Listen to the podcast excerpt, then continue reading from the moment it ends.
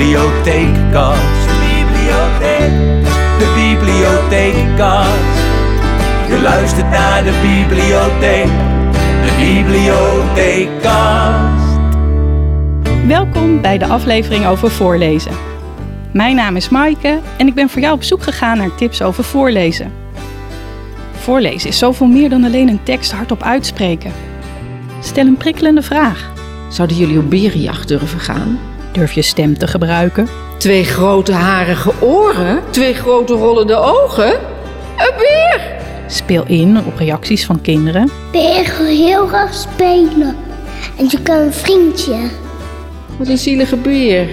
Misschien wou die wel spelen. Zo kun je de aandacht van kinderen vasthouden en nieuwe werelden openen. Saskia Hallo? en Geri hi, werken bij de bibliotheek. En ze weten alles over voorlezen.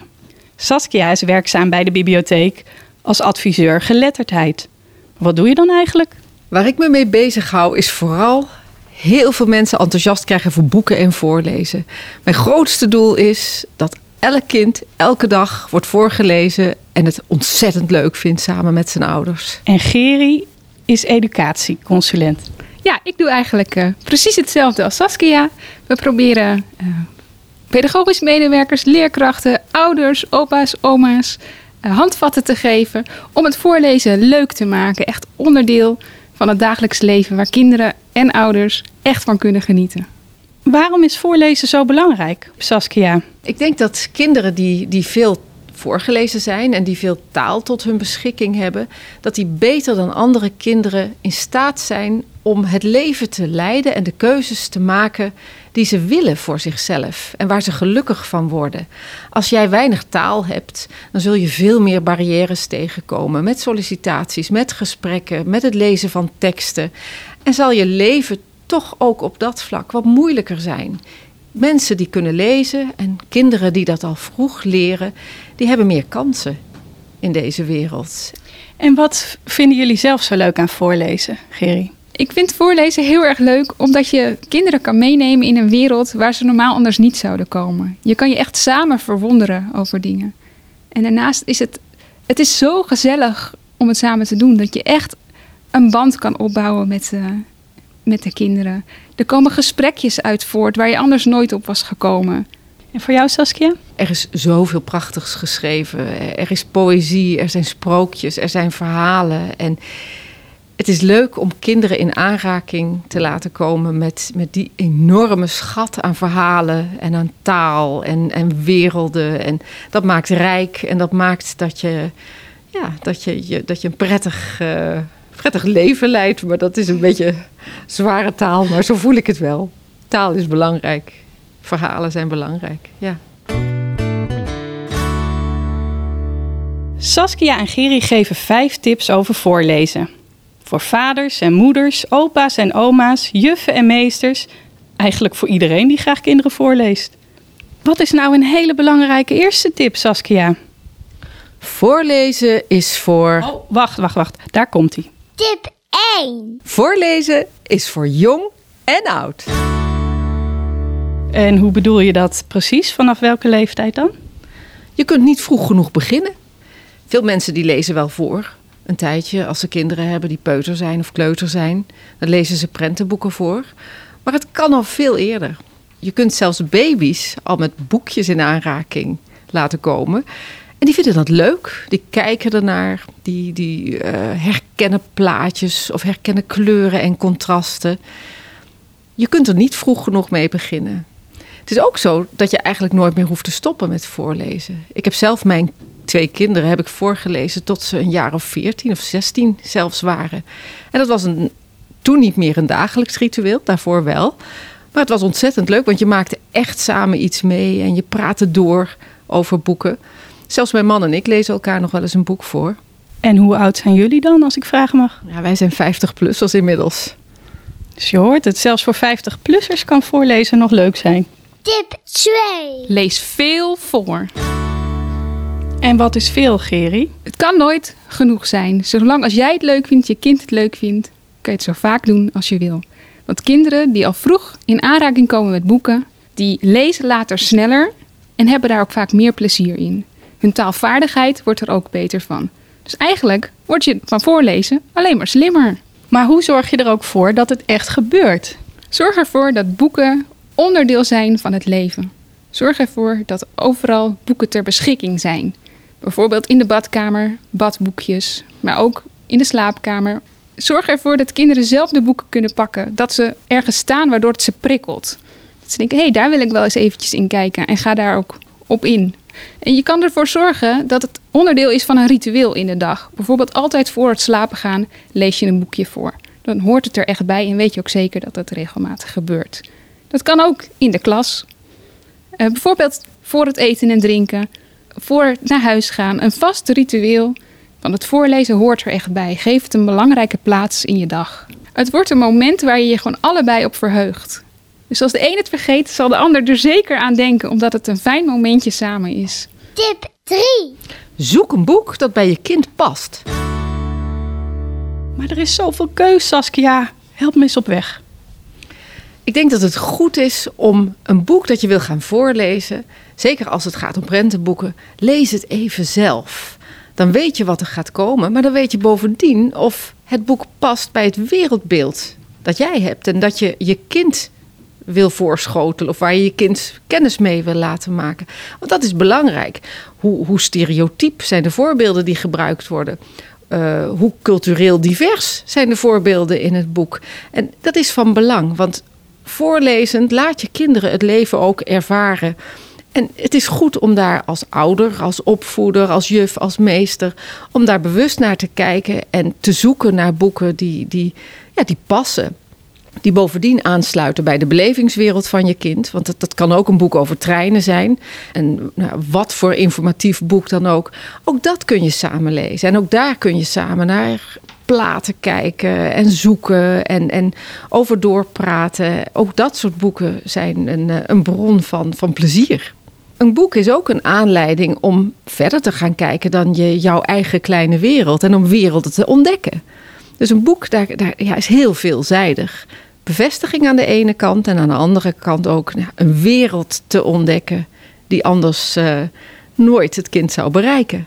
Als je kind verhalen niet leuk vindt of daar nog niet aan gewend is, zou je kunnen beginnen met zoekboeken zoekboeken, dat zijn, dat zijn boeken waarin je als het ware als, als lezer of als kijker de opdracht aan het begin van het boek krijgt om te zoeken naar een, een afbeelding, naar een plaatje of, of uh, nou ja, een boot, een ballon. En dan ga je samen met je kind ga je bladeren in dat boek en dan ga je steeds kijken van hé, hey, waar is die ballon, die gele ballon bijvoorbeeld. En dat is een, dat is een prachtige zoektocht per pagina.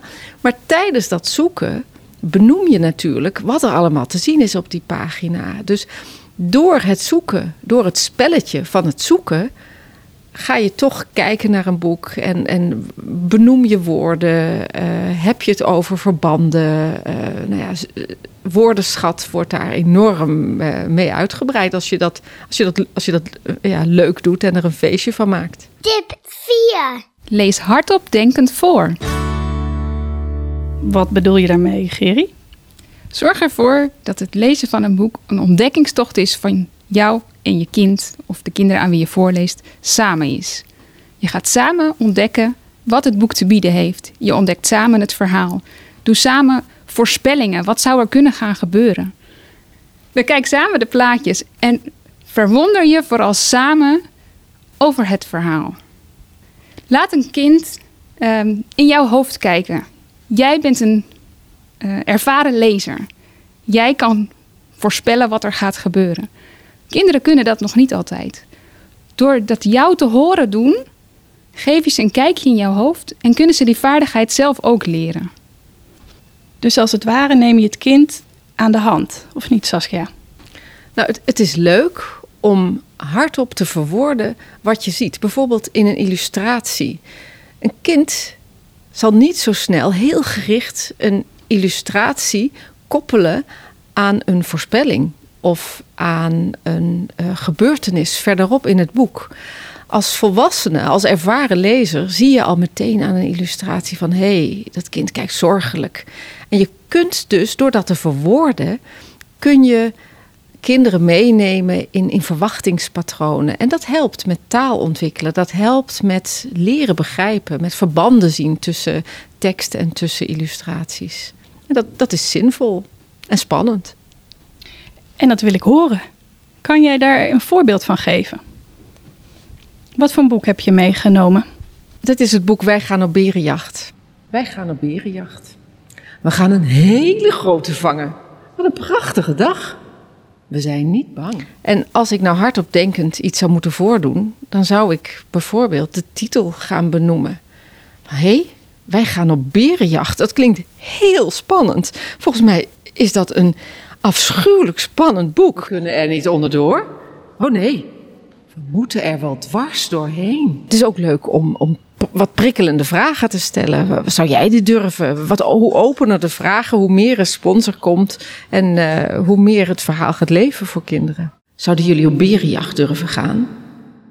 Daarnaast is het leuk om je stem te gebruiken. Uh, soms is fluisteren leuk. Je kunt ook steeds sneller gaan voorlezen of steeds luider gaan voorlezen. Uh, je stem mee laten gaan uh, met wat het verhaal vraagt. Als jij het leuk vindt om gekke stemmetjes te gebruiken en een verhaal leent zich daarvoor, gebruik dan gekke stemmetjes en maak er echt een spektakel van. Twee grote harige oren, twee grote rollende ogen, een beer. Als jij je daar niet zo zeker in voelt, of in het begin niet zo zeker in voelt, lees dan gewoon lekker voor op een wat neutralere manier. Maar het moet bij je passen kinderen die, die snappen meteen als je, er, als je er iets van maakt wat, wat niet prettig is. En dan wordt het voorlezen niet prettig. Het moet leuk zijn en het moet bij jou passen. En wat jij leuk vindt en wel het verhaal dat jij leuk vindt om voor te lezen op jouw manier, dat komt over. Ik wil heel graag spelen. En je kan een vriendje. Wat een zielige beer. Misschien wou die wel spelen. Ik denk dat het altijd goed is om op de reacties van je kind te letten. Als je kind iets ziet en iets opmerkt, is het leuk om daarop in te gaan en uh, mee te gaan in die gedachtegang. Tip 5. Wees niet bang om hetzelfde boek vaker voor te lezen. Vooral jonge kinderen houden heel veel van herhaling. Ze lezen een boek graag verschillende keren. De eerste keer gaan ze het verhaal ontdekken. Zijn ze geboeid om wat er allemaal gebeurt. Bij de tweede keer is het een feest voor hun, want ze herkennen het verhaal al. En als je het nog vaker voorleest, gaan ze meer details zien in het verhaal, in de plaatjes. En leren ze heel veel nieuwe woorden. Dank jullie wel, Saskia en Geri, voor jullie tips over voorlezen. Daarmee kunnen we voorleesmomenten leuker maken en verhalen echt tot leven laten komen, zodat kinderen onderzoekende kijkers en luisteraars worden. Dit was de aflevering over voorlezen. Wist je dat de bibliotheek verschillende voorleesactiviteiten organiseert? Kijk op de website van jouw bibliotheek voor meer informatie. De medewerkers van de bibliotheek geven je ook graag tips over geschikte voorleesboeken. Graag tot de volgende aflevering. Deze podcast is gemaakt in opdracht van de Bibliotheek Zuid-Kennemerland en is gerealiseerd dankzij een financiële bijdrage van de Koninklijke Bibliotheek. De Bibliotheekast.